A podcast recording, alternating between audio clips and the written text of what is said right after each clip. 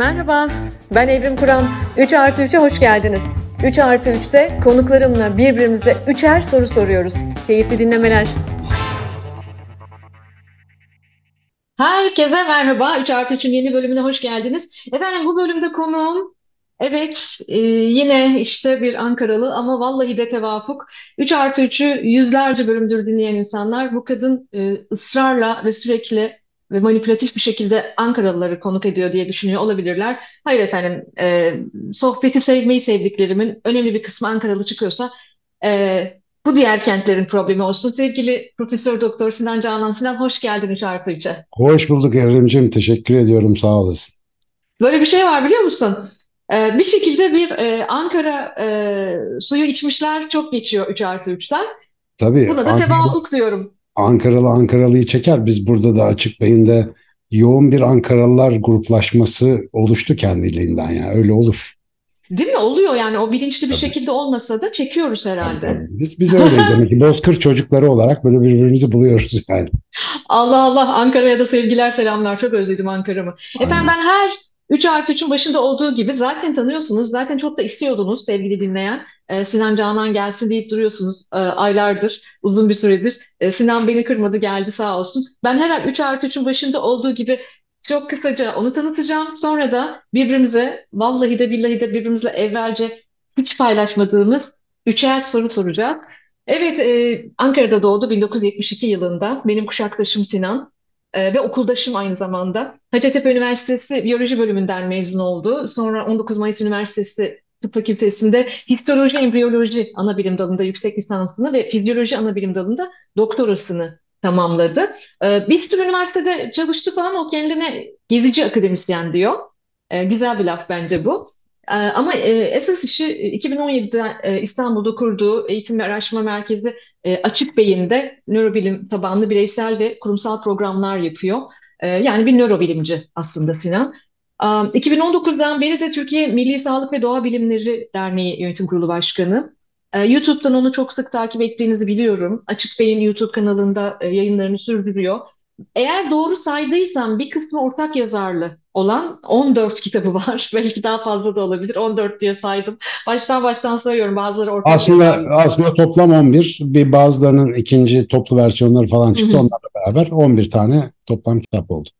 Bir tane de çocuk kitabı bunların biri değil mi? Evet, evet. Hı hı. Evet. Ee, Sinan şöyle e, e, söylüyor. E, ben profesyonel bir meraklıyım diyor. Bunu çok önemsiyorum ben. E, benim dünya dilleri içerisinde en sevdiğim dillerden biri olan Yunanca'da, Yunanca'da mesela meraki diye bir sözcük vardır. E, kendini yaptığın işe adamak e, kökü meraktır aslında onun. Onun için ben de kendimi böyle bir meraklı bir insan diye hep tanımlarım.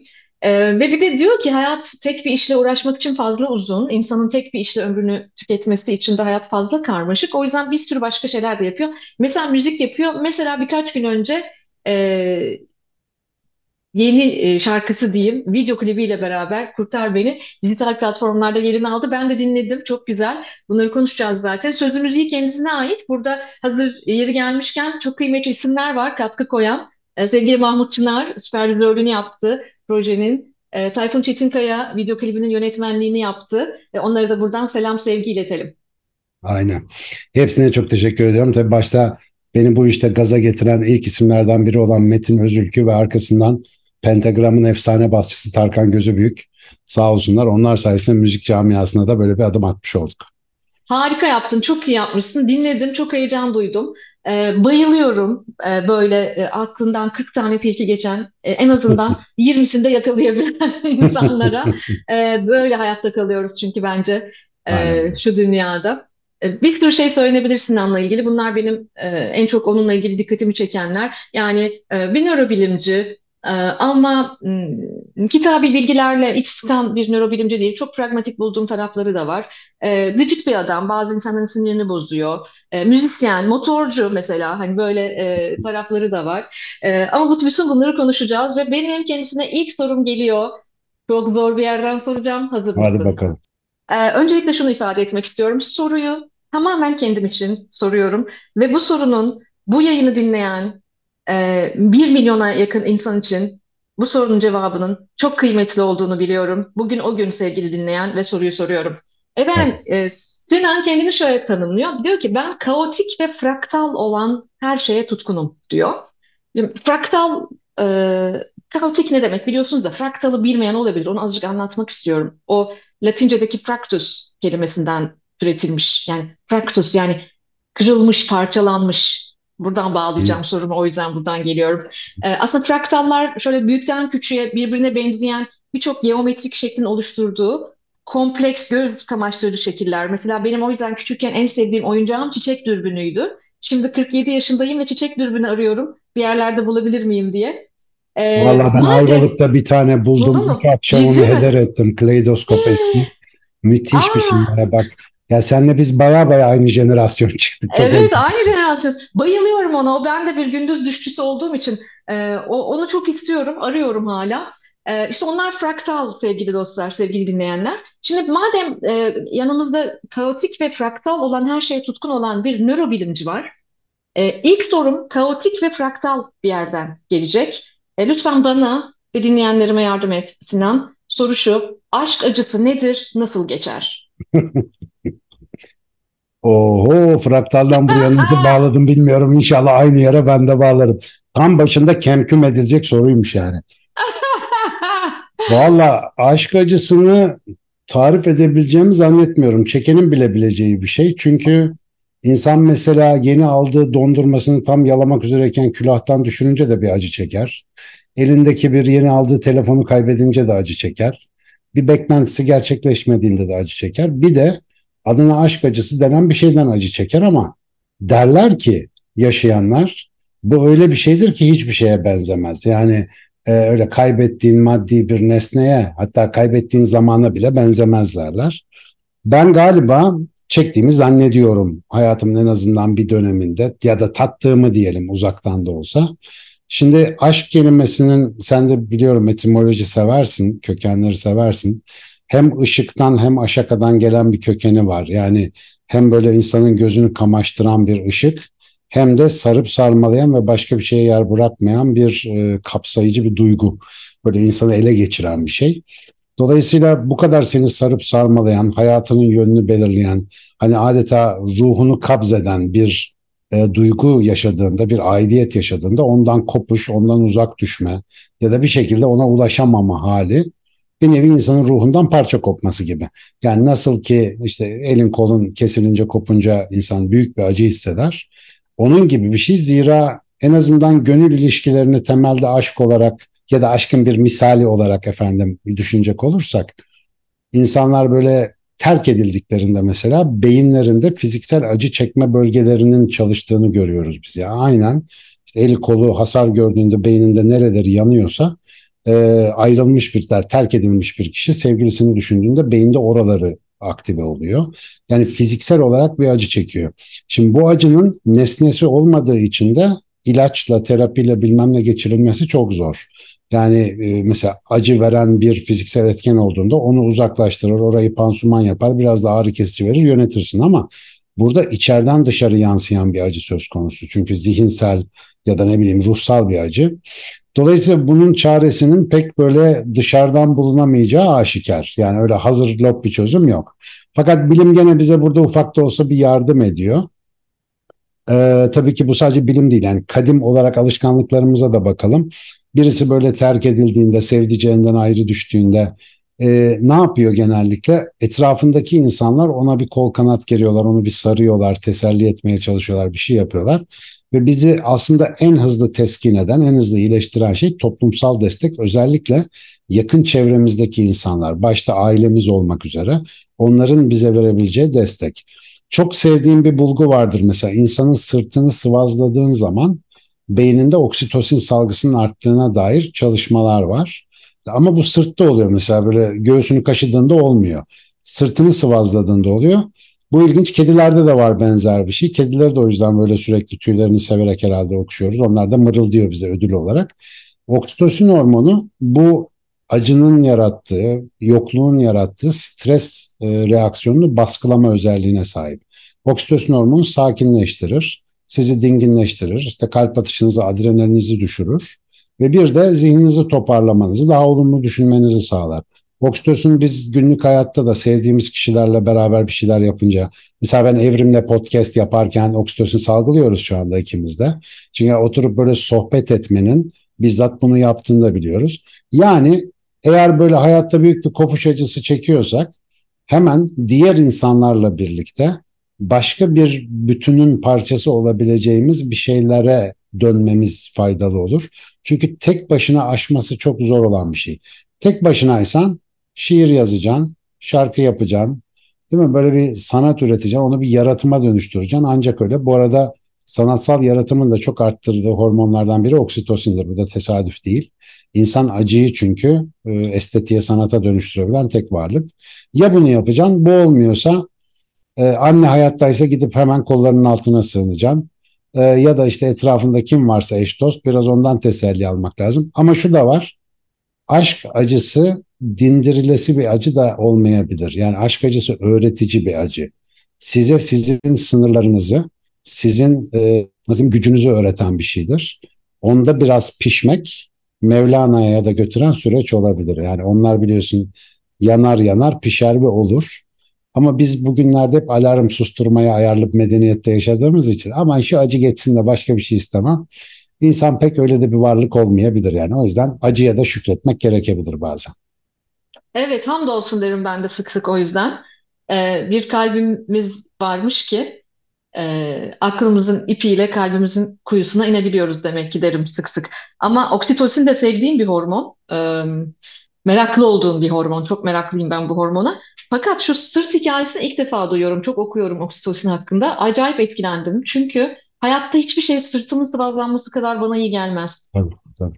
Ve birçok memeliyle biz bunu paylaşıyoruz yani memelerin çoğunda var. Bu maymunlar da böyle sırttan e, pir, bit bir ayıklar tüylerini kaşırlar ya birbirlerinin. Aynı etki muhtemelen onlarda da var. Bunu e, hatta şey dikkatimi çekmişti. Kemal Türker Hoca ile bir tek tek programına katılmıştık Fatih Altaylı'nın orada söylemişti. E, ondan sonra baktım hakikaten çok ilginç. Hani bu davranış endokrinologları bu konuları çok çalışmışlar. Özellikle 2000-2010 bandında bayağı bir merak uyandırmış bu konu. Zaten ondan sonra oksitosin biliyorsun meşhur bir hormon oldu. Bayağı bir hayatımıza girdi. Ama tabii daha kim bilir neler var. Biz bu arada oksitosin derken, dopamin derken sadece örnekler veriyoruz. Yoksa hı hı. devasa bir orkestra biz sadece kemanın güzel çalışından bahsediyoruz. Yani arka planda daha neler neler dönüyor. O yüzden ben bunları literal olarak bilmenin hani çok direkt faydalı olamayabileceğini hep söylüyorum. E, canlılar alemini ve insanlar alemini sağaltıcı davranışlar hakkında gözlemek ve oradan ders almak çok daha doğrudan bilgi verebilir. Çünkü atalar, dedeler, nineler biliyordu bu işi yani. Ee, onlar bir şekilde kültürle aldılar bu iyileştiricileri. Biz bugün bunu bilir, biraz bilimle hatırlamaya çalışıyoruz aslında. Harika, ne güzel söyledin. Ben mesela şeyi e, okumuştum. Fiziksel olarak da e, yapılan böyle kardiyolojik çalışmalar var. Yani aşk acısında, ayrılık acısında kalbin de e, yanlış bir şey söylemeyeyim, tıp insanı değilim de kalpte fiziksel bir e, ahraz, arıza kaldığını, kalabildiğine dair. Ee, şöyle, şimdi kalp beyin meselesi yani öyle bir sorunsal ki e, çözmesi çok. Ben birkaç senedir bunu anlatmaya çalışıyorum. Hatta işte yeni bir kitap çalışmam var. Orada da biraz bunu deşeceğim biraz mecburen. Çünkü bizim kültürde hele ki dini kaynaklardan gelen bilgide genellikle böyle bir kalbe gönderme var. Hiç zeka, beyin falan orada çok zikredilmiyor ya. Şimdi insanlar da doğal olarak hani göksel bir mesajda böyle bir şey aldıkları için kalpte bir şey bulma e, isteğindeler. Bir yönetici merkez, bir beyin falan gibi. E, ama bugün bildiğimiz kadarıyla bunların hepsinin kaynağı beyin de beyin e, hissiyatı olmayan bir organ olduğu için yani beynin içinde olanları biz hissedemediğimiz için beyin kendi değerlendirmelerini bize bildirmek üzere bedenimizi kullanıyor. Burada da en çok kullandığı yer göğüs bölgesinde yer alan kalp. Kalp bizim her türlü duygusal değişimimizde vücutta ilk etkilenen organ ve biz onun yaşadığı değişimleri tekrar geri dönük olarak beynimizle algılayıp diyoruz ki ay bir çarpıntı tuttu, ay kelebekler uçuşuyor, ay bilmem neler oluyor diye duygulanım dediğimiz deneyime çeviriyoruz. Yoksa kalp aslında bir icra organı ve e, mesela bir insana siz ben mesela nörobilimciyim birini sevdiğim zaman diyorum ki seni kalpten seviyorum. Ona tutup da seni hipotalamusundan seviyorum demiyorum. Saçma olur çünkü yani o karşılığı olmayan bir şey. Dolayısıyla edebi bir ifadeyi biraz da böyle bilimsel mekanistik açıklamayla karıştırmamak lazım. Kalp ama mesela acı verici, uzun süre stres yaratıcı unsurlardan en fazla etkilenen organlardan da biridir. Çünkü beynin doğrudan komutu altında, duygusal beynin doğrudan komutları oraya gidiyor. Biz çoğu zaman bilinçli olarak algılamadan duygusal değişimlerimiz kalbimize, bağırsaklarımıza, efendim böbreklerimize vuruyor ve biz bunları çeşitli duyular olarak aslında hissediyoruz. Bu mindfulness çalışmalarında insanlar vücutlarını izliyorlar ya sürekli. Aslında orada yapılan, e, daha doğrusu kazanılan faydalardan bir tanesi ergen, e, pardon, erken dönem duygu okuma becerisi. Duyguların doğrudan vücuduna yansıyor. Sen vücudunu iyi okursan duygu değişikliklerini de çok daha iyi anlar ve yönetebilirsin. Ama çoğumuz böyle bu deneyimden çok nasiplenmediğimiz için ancak böyle öfke patlamalarında ya da çeşitli öforik durumlarda duygularımızı biraz fark edebiliyoruz. Halbuki duygular çok incelikli bir veri işleme mekanizmasıdır ve sıklıkla da göğüs bölgesinden bize bir şey söyler. Bu arada Evrim ben yakın zamanda bir yani hiç benim alanlarla ilgili olmayan bir dostumdan bir yöntem öğrendim. Çok ilginç. Bana böyle kendince bir analiz yaptı. Dedi ki hocam sen bilmem ne tip bir adamsın dedi. Bir şey söyledi. Kendince onun bir tipleri varmış.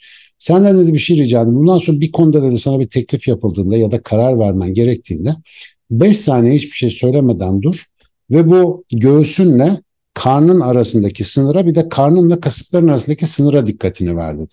Oradan sana evet geliyorsa evet de kesinlikle hayır diyorsa güvenerek hayır de bir şey gelmiyorsa zaman iste dedi. Şimdi ben bunu birkaç sefer uyguladım ve gerçekten çok ilginç bir şey ve söylediği şey belki ezoterik bir kaynağa dayanıyor ama bizim nörobilim açısından çok makul. Çünkü benim duygularım benim zihnimin algılayamayacağı kadar karmaşık şeyleri proses ediyor. Ve aşağı diyor ki baba bu işin sonu kötü bence bu topa girmeyelim. Ama sen o sinyalleri okumazsan mantığınla karar vermeye çalışıp ya diyorsun ki diyelim bunun ucunda işte iyi para var evet diyeyim. Ya işte bunun sonunda bir avantaj olabilir ya da işte zarar görebilirim hayır diyeyim.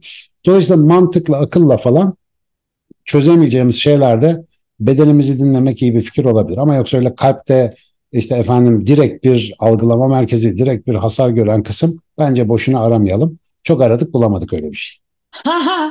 E, çok mantıklı geldi bana egzersiz. E, herkes bunu yapsın isterim ben de. Çünkü aslında e, ecnebilerin gut feeling dediği şey o değil mi? Orası Aynen.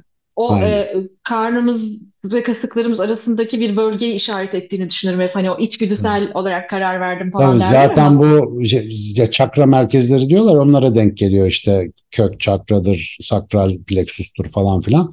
Ben çok bilmem onlar ama oraların da benzer bir şey hizmet ettiğini düşünüyorum yani.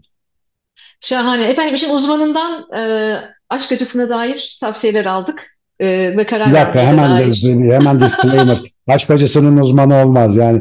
Ben motor ustası olarak yol koşulları hakkında bir şeyler söyledim sadece. Yani nörobilimciden, nörobilimciden e, Eyvallah, aşk acısına eyvallah. dair e, bilgiler aldık. Çünkü bir dostum demişti ki bir gün bana yıllar önce kalbinle aşık olduğunu zannedersin ama beynin de aslında o abartma yani kalp kalp deyip durma falan diye. Ben edebiyatçı olduğum için tabii ben hep E e, tabii. kalbe odaklanmıştım. O zamandan beri sıklıkla evet ya beynimizde bir şeyler oluyor diyorum. E, ve bilim o kadar güzel bir şey ki sevgili dinleyen. E, bilim bizi hayata bağlıyor. E, bilimden uzaklaştıkça e, belki sa- e, sancılarımız artıyor. Tanrı ve acı arasındaki farkı da bence e, kabul etmek lazım. Acı çekmek çok gerçekçi bir şey. O yüzden az önce hamdolsun derim sık sık dedim. Ya E, o kadar yani müsaade varsa bir cümle söyleyeyim. Lütfen, Ya o lütfen. kadar önemli bir şey söyledin ki biz akıldan, e, bilgiden, genel olarak bugün bilim dediğimiz faaliyetin kullandığı araçlardan uzaklaştıkça duygusal dünyamızın pusulasızlığı nedeniyle yaşadığımız her deneyime zihinsel abartılar ekliyoruz ve bu bizi çok yoruyor. Mesela acıya ızdırap eklemek bizim işimiz. Yani hı. mutluluğu euforiye çevirmek bizim işimiz. Halbuki gerçek hayatta biraz daha sakin, biraz daha makul, mantıklı ve anda olabilsek acı dediğimiz şeyin geçeceğini, mutluluk dediğimiz şeyin geçeceğini, sağlık ve hastalık dediğimiz her şeyin aslında geçici olduğunu fark edebileceğiz. O dediğin e, sükunet halinde en iyi akıl mantık sağlıyor. E, bu duygu, coşku diğer bütün canlılarda da var da şu akıl mantık bir tek bizde var ama çok yerli yerinde kullanamıyoruz gibi geliyor bana. Ah evet o yüzden benim hep e, kendi adıma duam şudur. E, kendimi kendimi merak etmeye başladım başlayalı diyelim. e, felaket ve saadetle karşılaştığımda bana e, aynı seviyede karşılık verebileceğim metaneti ver. Aynen öyle. Aynen. Ve, ve şimdi ilk soru sırası sende. Hadi bakalım. Benim e, aslında çok insanda merak ettiğim bir şey var. Kendimde merak ettiğim için başkaları da bunu merak ediyorum. Sana onu sorayım.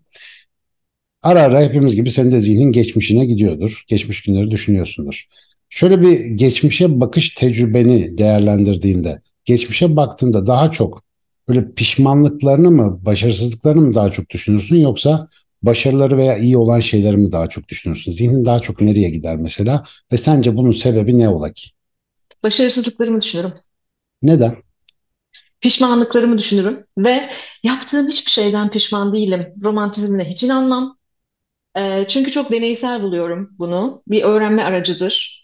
Ee, çalışma arkadaşlarıma, ekip arkadaşlarıma da bunu çok sık söylerim. Başarısızlığa uğradığımızda e, ne ne kaybettik, nasıl yenildik değil, ne öğrendik. Dolayısıyla ben öğrenmeye çok meraklı biri olduğum için geri döndüğümde o yollardan tekrar geçseydim neyi farklı yapardımı egzersiz etmeyi seviyorum. Kendime akıl vermek için. Çünkü çok burnunun dikine giden bir insanım. Kendi burnumu daha iyi tanıyabilmek için. Ee, geçmişe döndüğümde e, olanca rasyonelliğimle başarısızlıklarımı düşünüyorum. Kendimi aşağı çekmek için falan değil. Ee, Peki bu seni yormuyor mu mesela? Hani şey derler bizim yoruyor. kültürde böyle çok kutlama kültürü yoktur. Yani iyi yaptığımız şeyleri çabuk unuturuz ama e, hatalarımız çok gözümüzde büyür falan filan derler. Mesela sen kendi, çünkü ben de böyleyim de bana da bu çok söyleniyor. Abi biraz da celebration gözünü seveyim diyorlar. Acık kutlamak yani kadar şey yapma. Ama e, sence bu seni yoruyor mu mesela? Ben o konuda e, kendim sık sık düşünürken buluyorum yani. Bence süper yorucu. Zaten biraz da kuşağımızın da özelliği kutlamayı bilmemek. Bir bir çağ geçişi o. Çünkü e, hep bir sonraki görev, bir sonraki e, kazanılması gereken, edinilmesi gereken yetkinlik, kazanılması gereken savaş falan. Halbuki ben mesela anda kalmayı beceremiyorum. Hindistanlara kadar gittim anda kalmayı öğrenebilmek için. E, efendim yapmadığım ahşap boyama kursuna bile gittim. Çok el becerilerim çok kötüdür. E, yani her şey denedim ben. Bir şey denedim. E, be- beceremedim bunu. Ve bir gün e, e, meditasyon sırasında çok ünlü bir e, yogi e, her meditasyonda bana gülme geliyor tamam mı? Kendi kendime sözünü kestim. Acayip bir yerden girdim gene ama bana gülme geliyor meditasyonda ki ben acayip disiplinli bir kadınımdır falan öyle o ortamı bozmam falan. Sonra bana yogi, o yogi dedi ki senin otoriteyle öyle büyük bir problemin var ki o yüzden anda kalamıyorsun. O yüzden meditasyon yapamıyorsun. O yüzden bu gülme aslında bu çok sarkastik bir e, eylem, bir bir direniş hali bu. E, şimdi ben biraz daha kendimi gözlemlemeye çalışıyorum. Biraz daha kendime izin vermeye, kendimi gözlemlemeye çalışıyorum. Ama çok yorgunum. Onu itiraf etmem lazım. E, çok yoruluyorum çünkü kendimi de e, nasıl yani mükemmeliyetçi değilim belki, hırslı bir kadın falan değilim ben ama ee, o geçtiğim yollardan bir daha geçsem neyi farklı yapardım? Bundan sonra başıma böyle bir şey gelirse ne yaparım? Tabii ki zaman zaman bir anksiyete yaratıyor. Şeyi çok isterdim, kutla, daha fazla kutlamayı bilmeyi. O yüzden e, yakın arkadaş çevremde, çok yakın arkadaş çevremde en büyük şansım birbirine hiç benzemeyen insanlar oluşumuz. Sinir bozucu derecede kutlayan, her her haltı kutlayan bir çok yakın bir arkadaşım var mesela. Sinirlerim bozuyor bu kadar mutlu bir insan olması. Ama bana, bana benim için çok büyük bir öğreti. Ee, hani sen de ilk sorumda dedin ya yani e, o sosyal çevre, sosyal destek çok önemli diye. Ee, ne kadar çeşitli ve birbirine benzemezlerden oluşan e, bir sosyal çevrenin içindeysek o bence bize iyi geliyor diye düşünüyorum. Ben kendi adıma e, terapistim dinliyorsa e, bana kızmasın ama hep şey diyorum yani e, birkaç ev, bir araba, birkaç araba parası vermiş olabilirim terapileri kendime bilmiyorum. E, bu konu üzerine de çok çalıştım. Hani anda kalma, kutlama, kendini takdir etme falan. E, kendi adıma orada benim problemlerim var. Hem e, bir kuşak özelliği hem benim kişisel hikayelerim de buna hizmet etti. E, ama sakin olmaya ve buna izin vermeye de çalışıyorum. Yine de Peki bu malzeme bu. sorunun bu sorunun bir alt sorusu var aslında. Daha doğrusu esas hı. bağlanmak istediğim yer şurası. Ben de öyle mesela çok geçmişe döndüğümde hep ya keşke şunu şöyle yapmasaymışmışız mı acaba falan diye çok düşünüyorum da e, aklıma hemen sonra şu geliyor. Sana da direkt onu sorayım. Peki bir daha aynı zamanda aynı yerde aynı günde dünyaya gelsem aynı hayatımı yaşamak isterdim tercih şansım olsa yoksa bir BC şıkkına bakalım der miydim acaba? Yani sen mesela ne derdin? Aynı hayat aynen devam mı? Yoksa Aynen, bir şeyleri değiştirmek ister miydin? aynen devam ederdim ben ha. Aha işte. Bak, ben, bence bence bence bu mutluluğun tanımı çünkü. Yani bir insan hayatından tatmin hissediyorsa ekşisiyle tatlısıyla falan e demek ki tamam yani aynı hayatı tekrar yaşarım diyorsan bence bu soru okeydir yani. Geçmişte neye takılırsan takıl. Çok heyecan verici geliyor bana bu zaten. Şimdi bak 47 yaşındayım. E, Yani Allah ömür verirse göreceğim yıllarım varsa o bir yani bu 47'ye kadar ne acayip şeyler oldu. Acaba yarın sabah gene ne acayip şeyler olacak diye en acılı anımda bile düşünüyorum. Bu bence İşte güzel bir bu. şey. Heyecan veriyor bana bu. Heyecanlıyım yani. Ama pozitif, süper iyimser falan değilim. Bilakis bir de araştırmacıyım ben. Araştırmacılar kolay kolay iyimser olamaz ama Evet. Datayla çalışıyorum ben. Ama e, iyimser değilim ama çok şeyim. Ne derler ona? E, çok e, yılmazım. Resilience'ım kuvvetli. Bu da bana yaşama dair bir heyecan veriyor. Ama baktığınızda ben kendinin e, bir tane kişisel gelişim programına gitmiştim. Sinan aklıma o geldi. E, 20'li yaşlarımın sonuydu galiba. Böyle herkesin üzerine etiketler yapıştırıyorlardı o zaman o programda. Meşhur bir Hmm. zamanların kişisel gelişim programlarından. Ondan sonra benim Üstüme kendisinin en büyük düşmanı etiketini yapıştırmıştı. Kişisel gelişim gurusu. Allah rahmet eylesin şimdi vefat etti. Ee, öyle yani ben kendimi çok deşen, didiklen, benim düşmana ihtiyacım yok yani gerçekten. Ben kendi üzerimde zaten çok e, Yani şu da var. operasyon Üreten yapıyorum. Ben üreten hiç kimsede normal bir psikolojik profil görmedim. Yani e, hepimizin belli arazları var. E, ben bunu genellikle biyolojinin, tabiatın, yaratılışın en büyük stratejisi olan çeşitliliğin bir iktizası olarak görüyorum. Yani bazıları da cins olacak ki kardeşim, diğer insanlara bir faydaları olsun, bir artı değer ortaya koysunlar. O yüzden çok da şey yapmamak lazım bence böyle güzel evrimciğim. Bence de böyle güzel ya. Ee, onun için e, mesela sevilme kaygım yok benim. Öyle histriyonik bir tip değilim ya. Tam tersi. Ee, sevilme kaygım e, olmadığı için, gerçekten umurumda olmadığı için beğenilmek ve sevilmek. E, hayattaki e, en büyük arzum içime sinen, söylediğimle yaptığımın birbiriyle örtüştüğü rezone bir hayat yaşamak yani. İçime Ama bu sinen. ilişkiler, ilişkilerde zorlar seni. E, zorluyor tabii baksana halime. Tabii. Zorlar. Yani bu çok Hep, çok ter- hep terk ediliyorum Sinan Tabii, yani. tabii, tabii. Çok çok belirgin bir patern bu. Değil mi? Ya biraz da işte bu böyle insan kendini nerede tamamlayabiliyorsa oraya aşık oluyor. Diğer Hmm. taraflardan enerjiyi esirgiyor biraz tabii. O da yani başka bir insan enerjiyi sende tamamlamak istediğinde ve karşılığını alamadığında da ya enteresan örüntülerdir bunlar. Çok enteresan değil mi? Ama ne kadar da e, mucizevi geliyor bir yandan da hani ne kadar heyecan verici, ne kadar mucizevi. İnsan ne kadar insanın ne kadar muazzam bir matematiği var. Ee, bir keresinde şey olmuştu. 30 yaşlarım bu sefer. Seninle de ne kadar nostaljik oldum ya. 30 yaşlarım ve sürekli kalp çarpıntım var tamam mı? Daha çocuğum 30'ların başı, 20'lerin sonu, 30'ların başı mı? Yani daha çocuğum falan yok. Ama böyle dünyayı kurtardım falan zannettiğim bir dönem. Bütün dünyanın yükü benim üzerimde falan gibi böyle kendini ve işini çok önemseyen bir insan olduğum bir dönemler. Ee, Kardiyoloğa gittim tamam mı? Bir tane ama orada yani yol üstündeki bir hastanede, yol üstündeki bir özel hastanede gittim böyle walk in bir kardiyolog görmek istiyorum dedim. Çünkü acayip çarpıntı var. Öleceğim falan zannediyorum. Girdim bir kardiyolog. Öyle ünlü falan bir hastane değil, ünlü falan bir kardiyolog da değil tamam mı? Bence ya Hızır Aleyhisselam olabilirdi o adamcağız. Bak sen bak yemin ediyorum hani bir kardiyoloğa bakıp bu kardiyolog dersin değil mi yani? Bunu demezsin. Öyle sakin sakin oturuyor. Dünya yansı umurunda değil yani beyefendinin. Buyur dedi ne dedi derdi. Dedim ben çok kötüyüm. Yani kalbim şöyle bilmem. Bu dinledi bilmem ne. Üç dakika baktı bakmadı. Bana dedi ki sen kendini ne zannediyorsun ya dedi. Şu koca evrende bir toz devresisin dedi. Ay Sinan ben bir iyileştim. Bir daha ne çarpıntı ne bir şey. Değil mi? Yani e, o kadar iyi geldi ki bana. Gerçekten Nasıl sarsıldım? Zira bir insan olabilir gerçekten. Vallahi Nasıl olabilir. sarsıldım, nasıl sarsıldım böyle. E, o yüzden e, ben yaptığım işleri önemsiyorum gerçekten ama çok uzun yıllardır kendimi çok önemsemiyorum. Yani üzerinde çalışılacak bir deneysel Yani malzeme tam olarak dediğin görüyorum. yaş dönemleri senin burcun burcun ne ya? Biz yoksa sen koç falan olabilir misin? Değilim, yengeç benim burcum. Yani ilginç vallahi bir şey. O kadar paternler benziyor ki tam ben de o yaşlarda Ama panik senin ataklarla ha, hastaneye gidiyorum falan filan neler neler yani ben de çok uğraştım. Beni de öyle bir arkadaş bir lafla düzeltti mesela. Yani çok ilginçtir o. Ya kardeş biliyorsun öldürmüyor sen bunun dersini anlatıyorsun dedi. Küt diye benim panik atağım geçti falan. Ee, garip zamanlar işte yani bir abartıyı fark etmen gerekiyor işte. Çoğu zaman da insan kendi kendine yapamıyor onu. Kesinlikle. Ve e, benim ikinci sorum geliyor.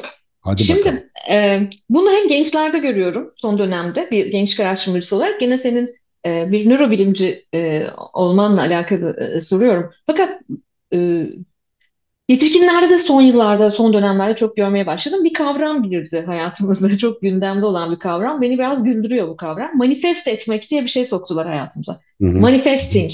Manifest edelim. Hadi manifest et. Yaz, çiz, e, panoları al. E, Gece 12'de tam manifest etmek için en iyi zaman falan gibi. Şimdi ben şunu gerçekten merak ediyorum. Yani ben aslında hmm, böyle inanç sistemi çok kuvvetli biriyim. Dinleyenler zaman zaman e, anlatıyorum, konuşuyoruz, biliyorlar. Tasavvuf çalışıyorum e, falan. Öğrencisiyim bu işlerin ama e, çok da rasyonelim. Yani bilime de çok inanıyorum. O yüzden bana biraz komik geliyor bu. Gerçekten bir şey 40 kere söylersek olur mu? İstersek verilir mi? E, Hristiyanlıkta var bu ask and it's given. İstersek verilir mi? Secret diye bir şey var mı gerçekten? Hala Secret e, en çok izlenen filmler, kitaplar içerisinde. E, ya da sosyal psikoloji biraz daha buna Pygmalion etkisi diyor.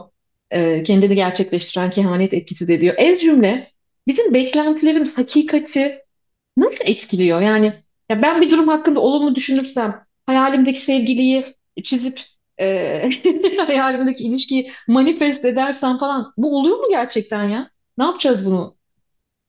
Ne Ee, diyorsun? yani bağlayacağım sonucu baştan söyleyeyim. Evet çalışıyor. Secret'tan da daha beter çalışıyor hem de. Fakat o e, kamuda anlaşıldığı kadarıyla kolay bir konu değil. Yani şöyle dedim oluyor şeklinde değil o. Şimdi e, biz böyle seanslarda e, bilincimizi toplayıp e, diyelim bir terapistin karşısında ya da bir sohbette ya da bir koçla işte çalışırken bir konu üzerinde odaklanıp evet ben bunu istiyorum falan filan diyoruz ama sonra günlük hayatımıza geri döndüğümüzde bilmediğimiz bir şey var. Günlük hayatımızın %90-95'i tamamen otomatik pilotta ve bilinç dışı zihnin kontrolü altında geçiyor. Ve bu bilinç dışı zihnin kodlarının ne olduğunu biz genellikle bilmiyoruz. Bunun farkındalığı bizde yok. Sadece mesela bir sorun olduğunda, beklentilerimize aykırı bir durum olduğunda bilincimiz bir devreye giriyor. Sorunu çözene kadar ilkelerimize, bilgilerimize, bilmem nemize göre hareket edebiliyoruz. Ondan sonra geri kalanı kaptır gitsin ve çoğu zaman hayatımız ya bunlar niye benim başıma geliyor sorusuyla e, süsleniyor böyle yol boyunca. Şimdi bunun çok basit aslında anlaşılması çok kolay fakat anlamak için günlük ezberlerden çok fazla sıyrılmamız e, gereken bir açıklaması var. O da şu bir insan soğuk bir limonu kesip suyunu ağzına sıktığını şöyle bir 10 saniye hayal etse hatta şu anda podcast'te Sinan Canan'a bunu söylerken duysa bile ağzı sulanır.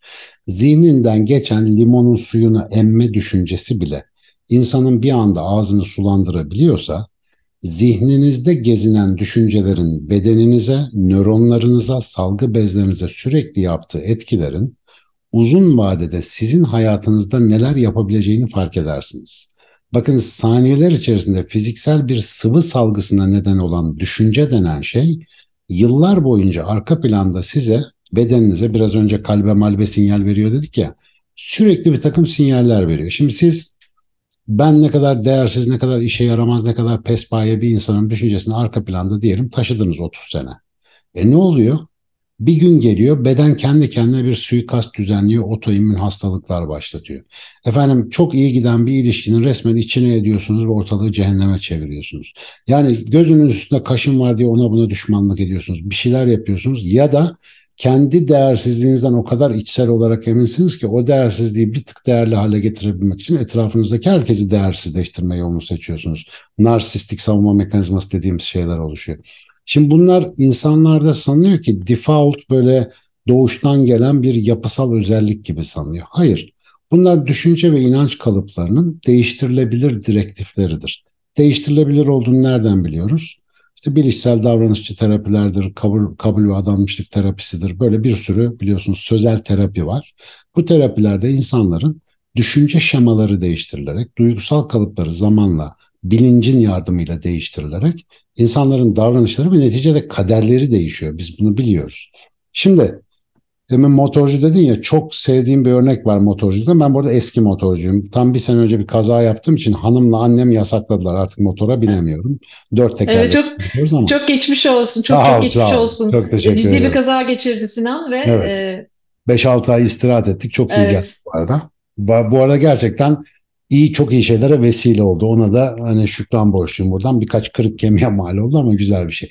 İşte o motosikleti öğrenirken mesela motosiklet eğitimlerinde çok anlatılan bir şey benim hayat mottolarımdan biri oldu. Derler ki motor sen nereye bakarsan oraya gider. Yani sen motosiklet sürerken diyelim yolda bir tane çukur var. Düşmeyeyim diye çukura bakıyorsan motor eninde sonunda o çukura düşecek. Çünkü vücudun gözünü takip eder ve motor da vücudunu takip eder. Göz nereye bakıyorsa insanın lokomotor sistemi böyle çalışır. Şimdi bu insana tuhaf geliyor ama gerçekten böyle. İnternette izleyin motor videolarını. Bazısı kaskına bağladığı kamerayla kavşakta bir araba çıkıyor. Geçeceği 100 metre yer varken gidip arabaya vuruyor mesela. Niye? Çekmek için sürekli arabaya bakıyor. Bak nasıl yola çıktı diye bize göstermek için. Oraya baktığı için de gidip arabaya vuruyor. Böyle çok fazla video var. Bunun bizim hayattaki karşılığı ne? İnsan beyni hayatta kalma donanımıdır ve bu yüzden önce kötüyü görmeye, kötüye bakmaya programlıdır.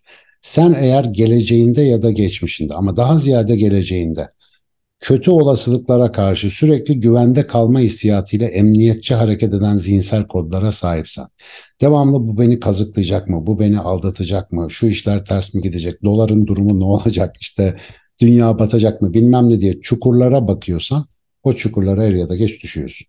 Manifesting denen hadise ise geçiti görmek ya da zihinde geçiti inşa etmekle ilgili bir şey. Motorda derler ki çukura düşmek istemiyorsan geçeceğin yere bak. Fakat bunun için zihnine eğitmen gerekiyor. İnsan doğal olarak çukura bakıyor. Bütün hayvanlar önce tehlikeye bakarlar. Ama insan zihnini eğiterek geçeceği yere bakışını kitlemeyi öğrenebilir. Manifesting bu.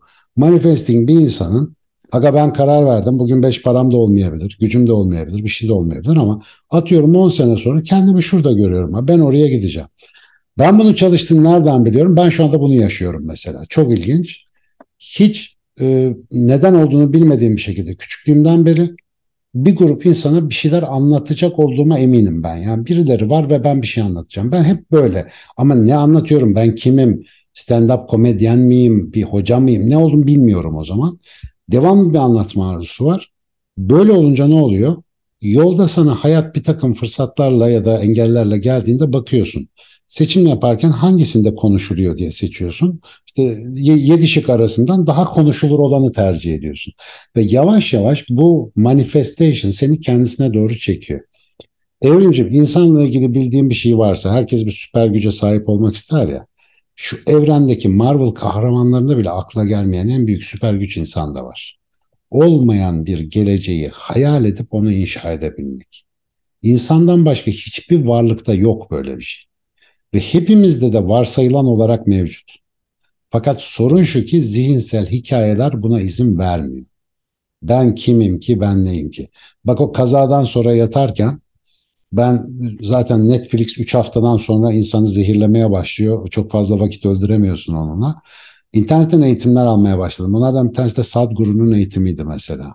Sadhguru'yu bilir e, bizi takip edenler. Ben de çok seviyorum arkadaşı. Böyle komik bir internet gurusu olarak başladık ama mesela orada yani aslında tek meselenin anda bilinçli seçim yapabilme becerisi olduğunu öğrendim. Mesela bunu zaten bilirdim ama burada Sadhguru aslında bilmediğim hiçbir şey anlatmış değil bana. Fakat öyle güzel bir çerçeve çizdi ki bana. Ben de tam yatarken çok iyi geldi. Evde yapacak iş de yok. Bütün kafadakileri toparlayabilmek adına çok güzel bir şeydi. Diyor ki dünyanın en büyük sorunu bilinçli insan sayısındaki eksiktir. Ne demek bilinç? Biz gelişine tepki veririz. Yani bütün canlılar etkiye tepki üretir ama bir tek insan tepkiyi alır, üstüne bilinç koyar, bunu eyleme dönüştürür. Yani davranışını değiştirebilir. Alternatif davranış menüleri üretebilir. Ve biz eğer bilinci kullanmıyorsak hep zihinsel inançlarımız gereği aynı etkilere aynı tepkiler, aynı etkiler, aynı tepkiler. Sonra mesela işte bir seansta, bir konuşmada diyoruz ki ben şöyle yapmak istiyorum, böyle yapmak istiyorum. Bunlar o bilinçli anda ama dışarı çıkıyorsun Bilinç dışı zihin öyle bir şeye inanmıyor ki. Kaptır gitsin. Yani ağzımla söyledim işte resmini çizdim bilmem neyle bu iş olmuyor. Gerçekten ruhen içten inanabileceğin bir hedefi gerçekleştirebilme kapasitesine sahipsin. Bunun da sırrı bence şurada. Ee, bir insan her şeyi hayal edebilir ama bir şeyi yapabilir. O bir şey de nedir? Kendi ruhuna, yapısına, meşrebine uygun olan şey. Bu şanslı birleşme için ise birçok hayalinden vazgeçmeyi göze alacaksın. Birçok şeyi kenara bırak. Ben mesela bana gel 20 sene önce benim tek hayalim e, Wembley stadında e, 10 bin kişiyi müzikte zıplatmaktı mesela. İşte çalacaktım bilmem ne.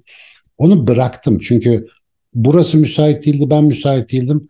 Anlatıcı olmak, bilimle uğraşmak o zaman daha iyi ruhuma oturan bir şeymiş. Onu fark ettim. Ama bak sonra sistem hediye olarak diye al sana bir de albüm yapalım hadi. Onu da yanında bonus olarak verdi. Yani o illaki bir hayaliniz bir süre gerçekleşmiyorsa oraya ilerleyemiyorsanız e, puanınıza bir dikkat edin. Ona ilerleme konusundaki puanınızı. Gerekirse hayalinizi değiştirin. Çünkü o sizin aklınızla beslediğiniz bir şey. Aklınız çok doğru hesaplamıyor olabilir. Duygulara bilmem nelere bakış kendini tanıma, nosete ipsum falan var ya işte buralarda gerekli. Ben mesela ne yapıyoruz, ne yapsaydım hayatımda bilmiyorum meslek olarak. Sonuçta mutlu olmak için konuşmak zorundaydım. Bunu biliyorum. Bak bir soru sordun çenem durmuyor mesela. Allah da bana böyle bir şey vermiş yani sistem vermiş. Bunu kullandığım sürece kendimi iyi hissediyorum. Dolayısıyla buna uygun bir manifestation benim becerebileceğim bir şey. Ama Miami'de işte milyonluk e, teraslı villada oturacağım falan şamşırmayalım yani. Öleceksin be arkadaşım. Onu aldıktan sonra da çok uzun kalmayacaksın orada yani. Daha havalı şeyler isteyin bence manifestation'larda.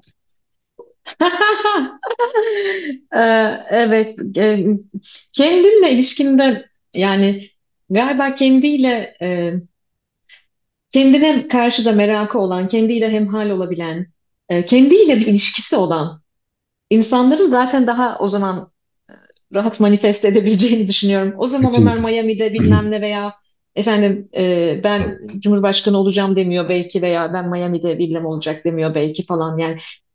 E, bunu gördüm hayatta. Kendini bilmeden ve ne istediğini bilmeden nereye manifest ediyorsun yani? Çok güzel bir şey söyledin ama sadece kendinde olanı gerçekleştirebilirsin. Müthiş. Evet. Bak bugünün bendeki aydınlanması bu. Sadece kendinde olanı gerçekleştirirsin. Bu arada insan bir alemdir. O alemde çok şey vardır. Ama alemin neyi gerçekleştirebileceğini biraz da zaman kısmeti belirler. Yani nerede doğdun, hangi koşullarda doğdun, nelerle doğdun. Yani bunlar çok önemli şeyler. E, bence burası çok tamamlayıcı oldu, güzel oldu. Yani Çok sen güzel. olanı gerçekleştirebilirsin. O yüzden kendinin farkında olmaktan başka işimiz olmamalı bence. Şahane. Nefis şifa niyetine dinliyorsunuz Amin biliyorum. amin. Benim benim 3 artı 3 dinleyicim kağıtla kalemle dinler. Ee, not alırlar. Bana sonra gönderirler e, notları falan. Ee, çünkü ben de kağıt ve kalemle dinliyorum dinleyicimi. Vallahi süper. Ben Dirayet ettiğini düşünüyorum. notlar alıyorum. Harika. Ve evet ikinci soru sırası sende. Ee, senin bu arada müsaaden olursa birinci sorunun çağrıştırdığı bir konuyla ilgili ya Ot dergisine ya bir sonraki kitaba bir bölüm yazacağım. Bu fraktal meselesinde kafama bir şey takıldı. Burayı şey yaparım, referans veririm yani. Lütfen e, çok memnun olurum. Bu arada tabii ben onu da söylemeyi unuttum. E, Otta da yazıyor Sinan. Arkadaşlar, sevgili dinleyenler lütfen dergi okuyun. Ben de eski bir Ot yazarıyım. E, Evet. 7-8 yıldır bavul yazarıyım. Dergiler siz okudukça var. E, biliyorum işte kağıt pahalandı, dergi erişmemiz e, e, biraz daha zorlaşıyor ama siz okudukça o dergiler çok zor çıkıyor çünkü çok zor. Siz okudukça o dergiler yayın hayatına devam edecek. Edebiyat Evet. dergileri çok önemli. Bu vesileyle de bunu söylüyorum. Ee, bu tarz alternatif edebiyat dergilerinde de e, bilim insanlarını, müzisyenleri, felsefecileri, çok farklı meslek gruplarından insanları okuma fırsatınız oluyor. Bu vesileyle de hemen mesaj kaygılı bir insan olduğum için bunu Evet söylemiş ama oldum. gerçekten dergi bir kültürdür. Ben öleceğini zannetmiyorum ama bu geçici öksürme döneminde onu yalnız bırakmayalım. Evet. Yalnız bırakmayalım dergilerimizi. Evet, ben ikinci sorumu o zaman deminki muhabbetten e, mülhem sorayım. Benzer bir Tamam. şey not almıştım ama onu değiştiriyorum acık.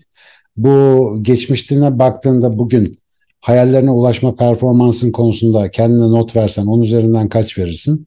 Nereden? Allah Allah tipik e, evrim e, kuram sorusu. Çok sık böyle soruyorum e, bütün çalışmalarımda. E, hayallerime ulaşmak çok hayalperest biriyim bir yandan da. Hayallerime ulaşmak konusunda 47 yıllık e, performansıma e, 10 üzerinden e, 7 veriyorum. Hı, E, o üçü nereden kırdın? Beni o ilgilendiriyor. evet, e, üçü özel hayatımdan kırıyorum. Özel hayatımda e, o tam olmadı.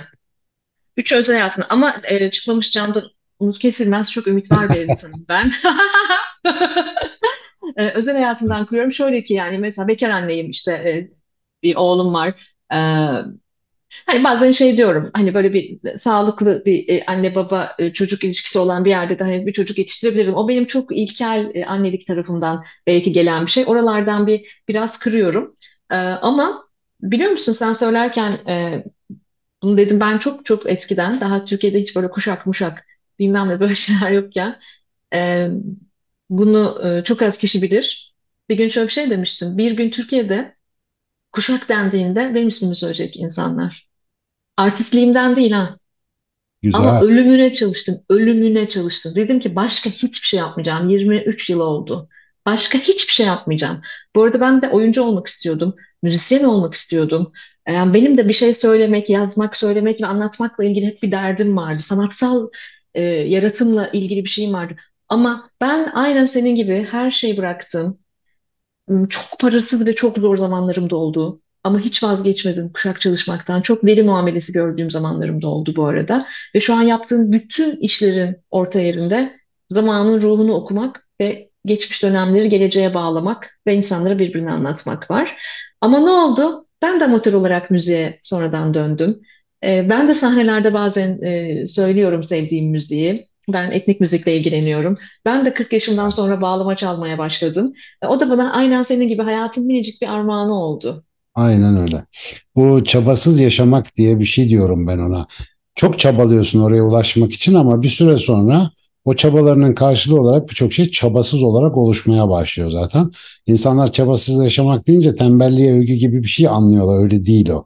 Yani bir yerde çok çabalayacaksın ama o çabalama işte eğer ruhuna uygun bir yerde olursa ki sen de anladığım kadarıyla öyle bir süreçten geçmişsin. O yüzden yediği veriyorsun kendine.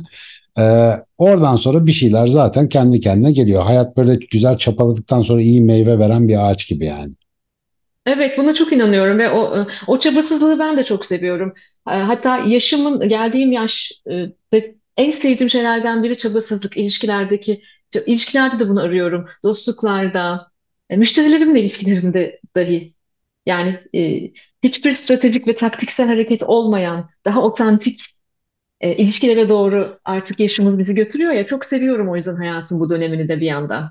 O yüzden olgunluk yaşı belki bu yüzden diyorlar. Kendi cennetini inşa etme yaşları bunlar. Aman daha Evet. güzel olsun ne güzel. Yani bu mesela biz bazen böyle konuşurken ekran önünde işte böyle podcast'te bir yerde ama birçok insanda da şöyle bir şey ya bunların tuzu kuru da böyle gevşek gevşek konuşuyorlar falan gibi bir şey oluşuyor. Ama arkadaşlar biz o tuzu kurutana kadar bayağı bir operasyon çekmek zorunda kaldık yani. Öyle, öyle kolay olmadı o işler. Birisi diyor ki sen tabii bilmezsin toplu taşıma bilmez o yüzden böyle mutlusun falan. Ee, geçen gün otobüste bir hanımefendi e, beni tanıdı işte bindiğimde. Bir de diyorlar Sinan Hoca otobüse binmez. Bak bu otobüste karşılaşıyoruz falan. Yani insanlar öyle garip bir algı içerisindeler ki o da bir kendini savunma mekanizması ama buradan bir kere daha hatırlatayım. Hani içinden öyle bir şey geçmiş olan varsa hiçbirimizin tuzu kuru değil. Hiçbirimizin o anlamda tuzu kuru değil ama hayat baktığın yere göre şekilleniyor işte. Öyle bir şey. İyiye bakarsan iyi. Kesinlikle öyle. O yüzden e, sanırım Melike Şahin'in de o şarkı e, bedelini ödedim ben de sevdiğiniz her şeyin diye bir sözü var o güzel şarkısının. Çok seviyorum o şarkıyı. Bedelini ödedik yani aslında biz de Aynen öyle. sevdiğiniz Aynen her öyle. şeyin. Helalleşmek önemli herhalde ya. Evet, evet, evet. Ve e, geldik benim son soruma. Hadi bakalım. Efendim son sorum e, Sinan'ın son kitabından, İFA'dan, İnsanın Fabrika Ayarlarından. Kitabın arka yüzünde çeşitli sorular var E, ve bu kitabın e, zaten bu sorular üzerine bir anlatı oluşturduğunu da söylüyor. Bir soru var ki orada e, benim en çok ilgimi çeken e, bu oldu. E, İnsan neden bu kadar çıplak ve aciz diye bir soru var. Şimdi bunun üzerine tabii ki beş bölüm e, çekilir de. E, bunu Evet. sormak istiyorum. Sence neden insan bu kadar çıplak ve aciz ve hatta bir de ekleme yapmak istiyorum. Yoksa bunun farkında da değil mi? Hiç değil. Ee, bu soru gerçekten de ben bir ara sırf bunun üzerine bir podcast niyetlendim.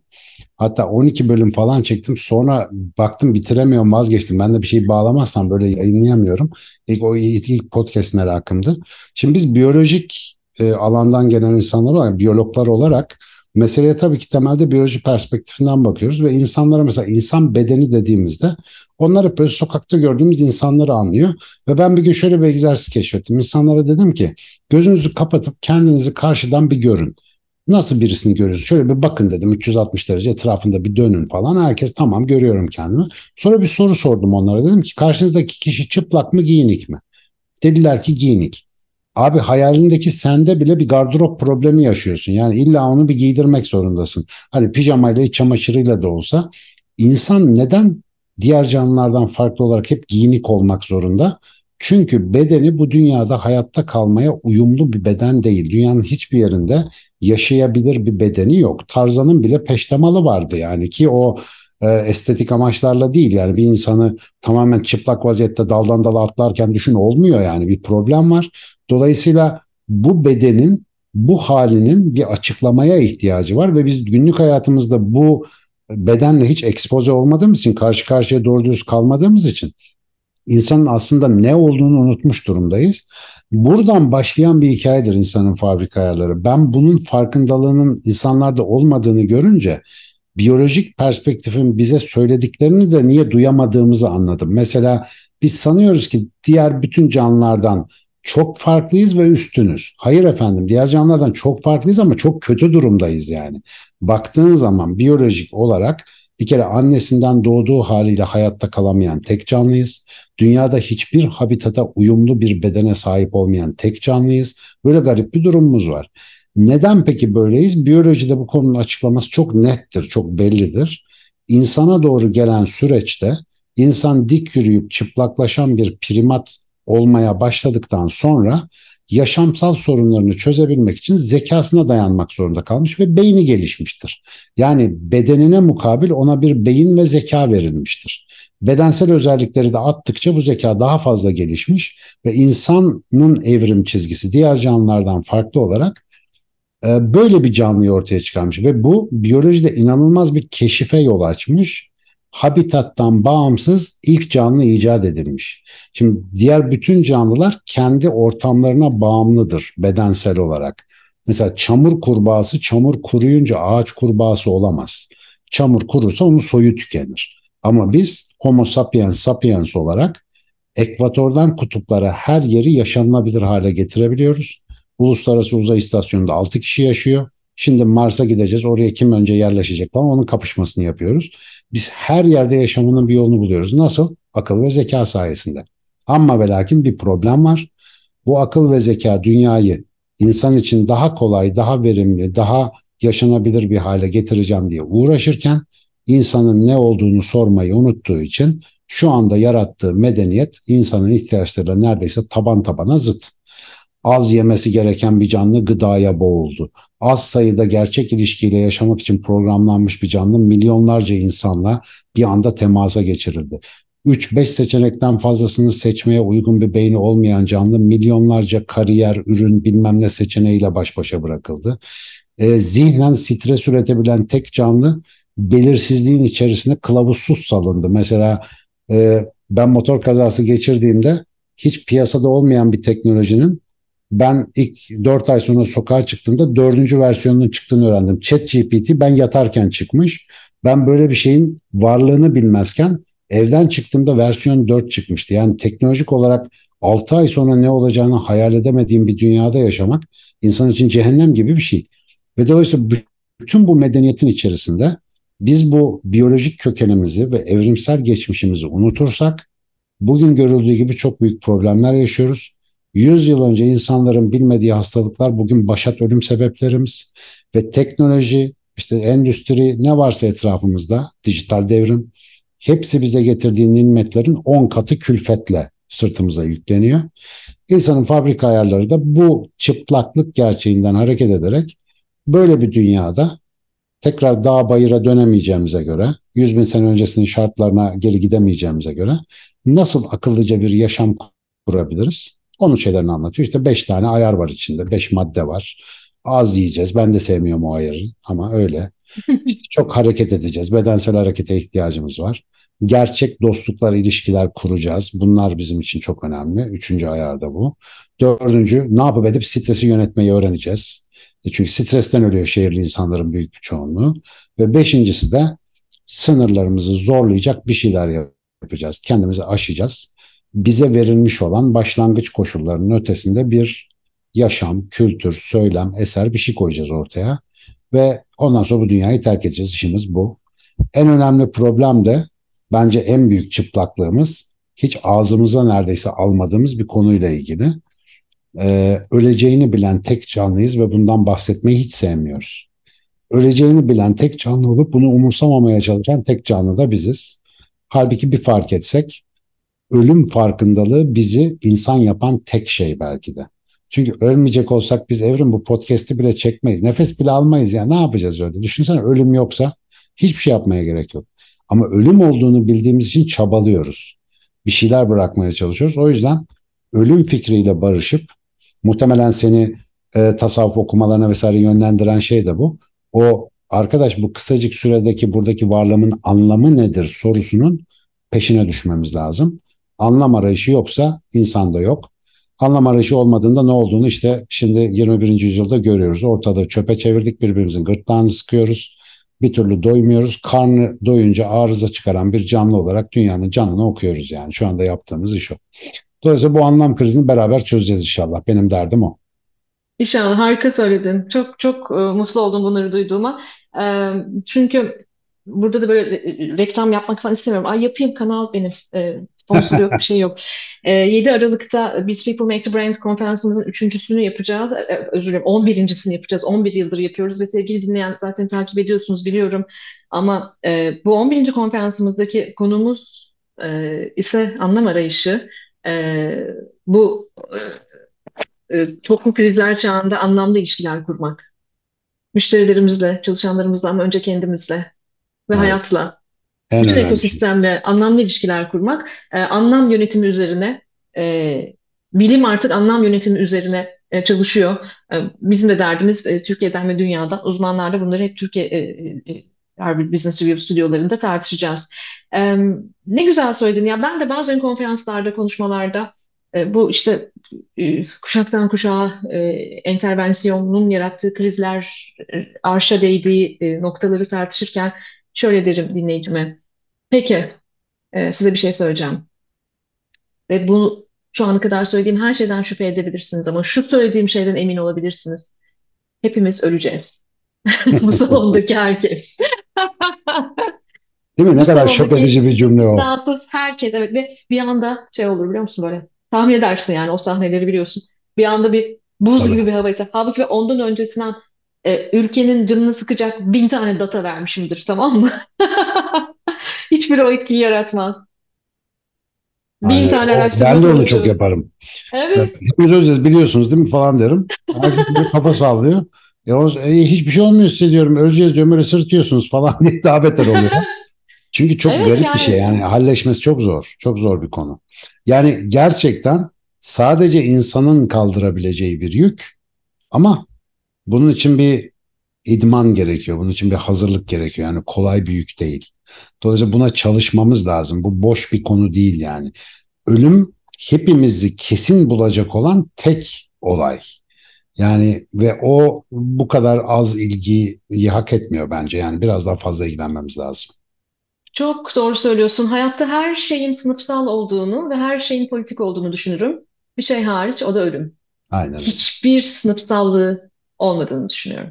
Aynen öyle. Ve hepimizi birleştiren en önemli husus. Bir orada anlaşsak belki de o ütopyacıların hayal ettiği birlikteliği biraz olsun ateşleyebiliriz.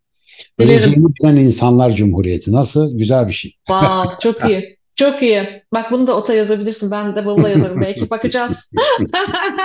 Ve son sorun da sende. Evet.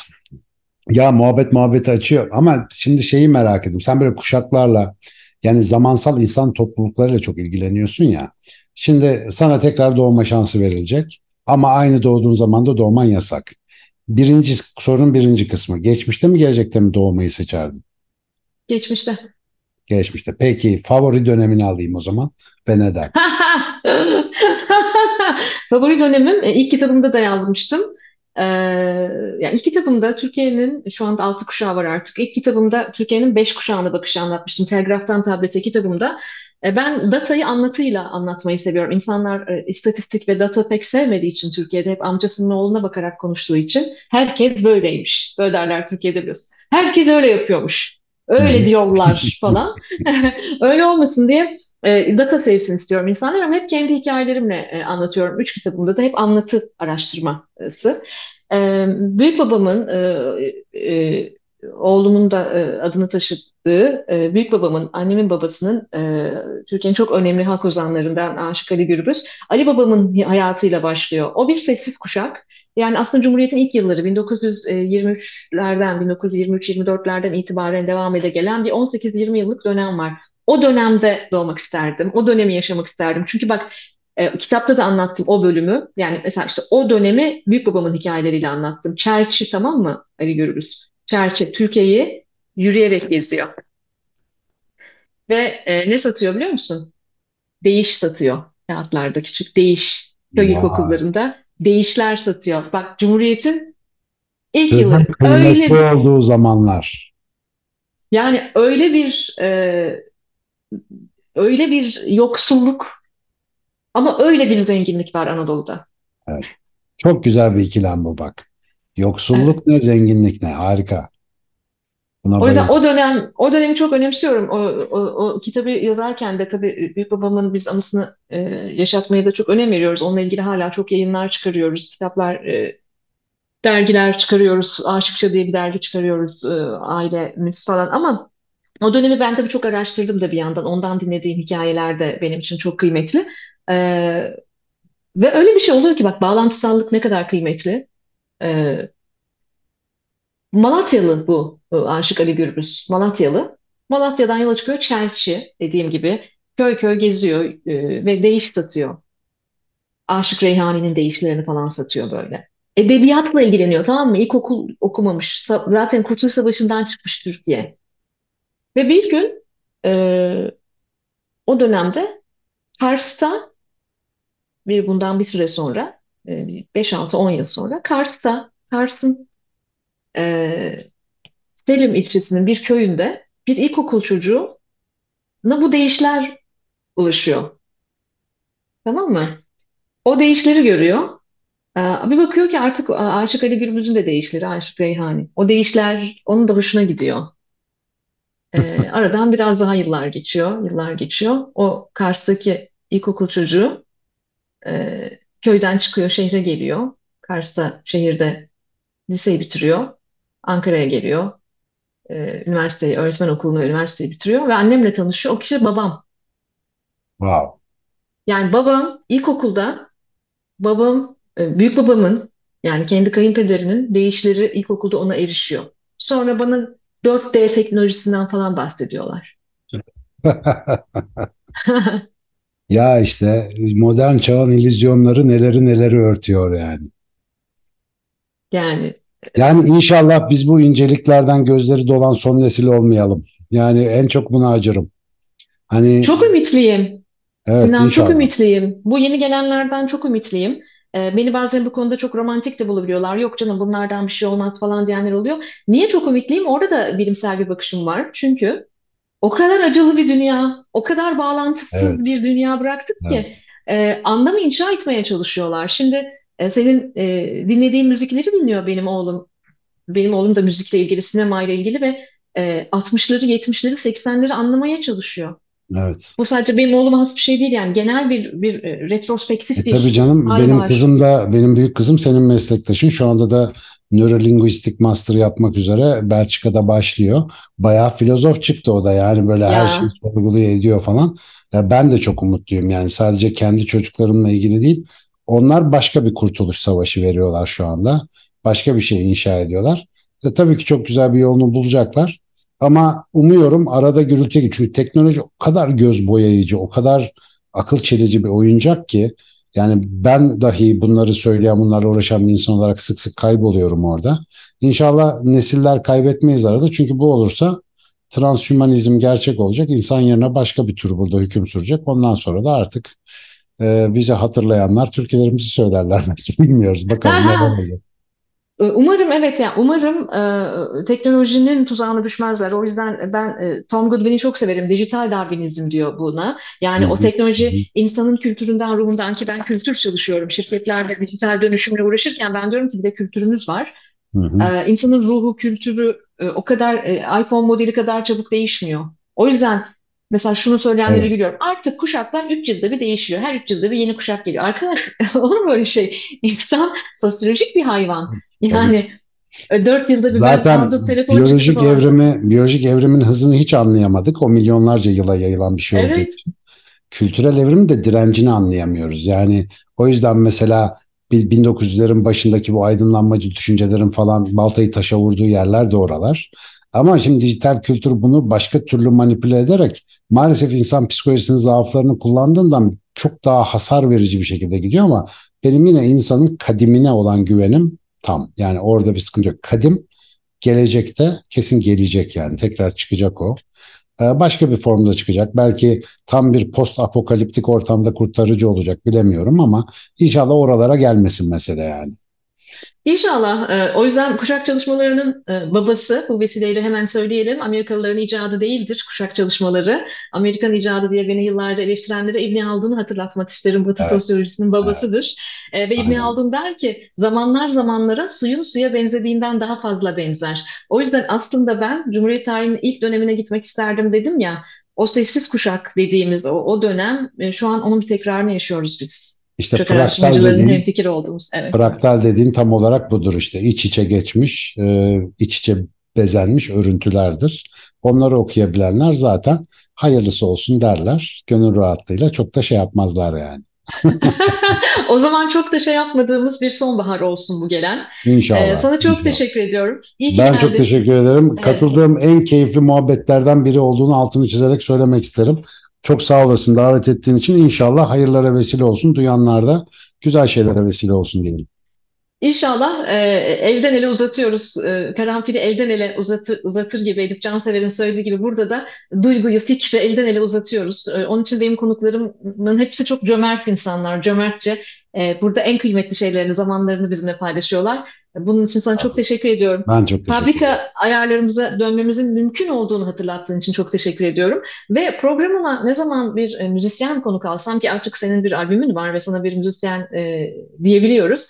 E, biz şimdi yayından çıkınca 3 artı 3 dinleyicisi hangi şarkıyı dinlesin? Bir şarkı armağan edelim desem vallahi, ne armağan etmek istersin? Valla ben hemen Kurtar Beni'yi armağan edeyim yani hazır böyle taze çıkmış piyasaya. Bir Kurtar Beni'yi beğenilerine sunalım bakalım.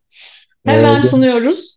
Yorumlarını ee, göndersinler. Taze taze üzerinde dumanı tutuyor şu anda Kurtar Beli'nin ee, ve biz e, Sinan'la yayından ayrılıyoruz. Sizi Sinan'ın yeni eseri Kurtar Beni ile baş başa bırakıyoruz sevgili şarkı dinleyicisi.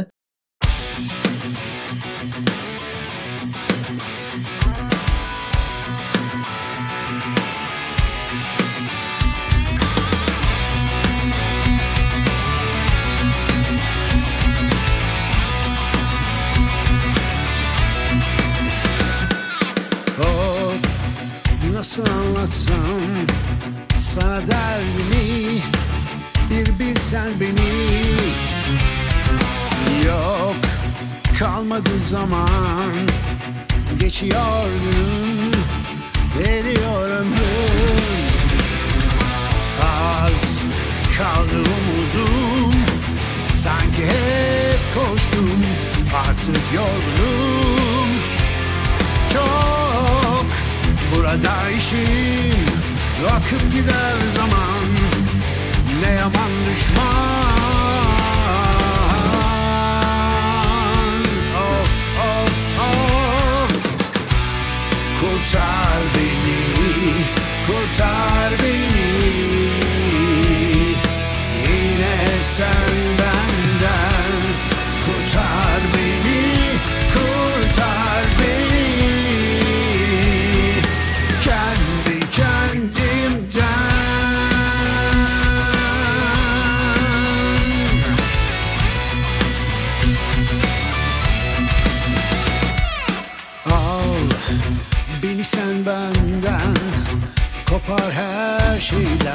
sarhoş et bazen.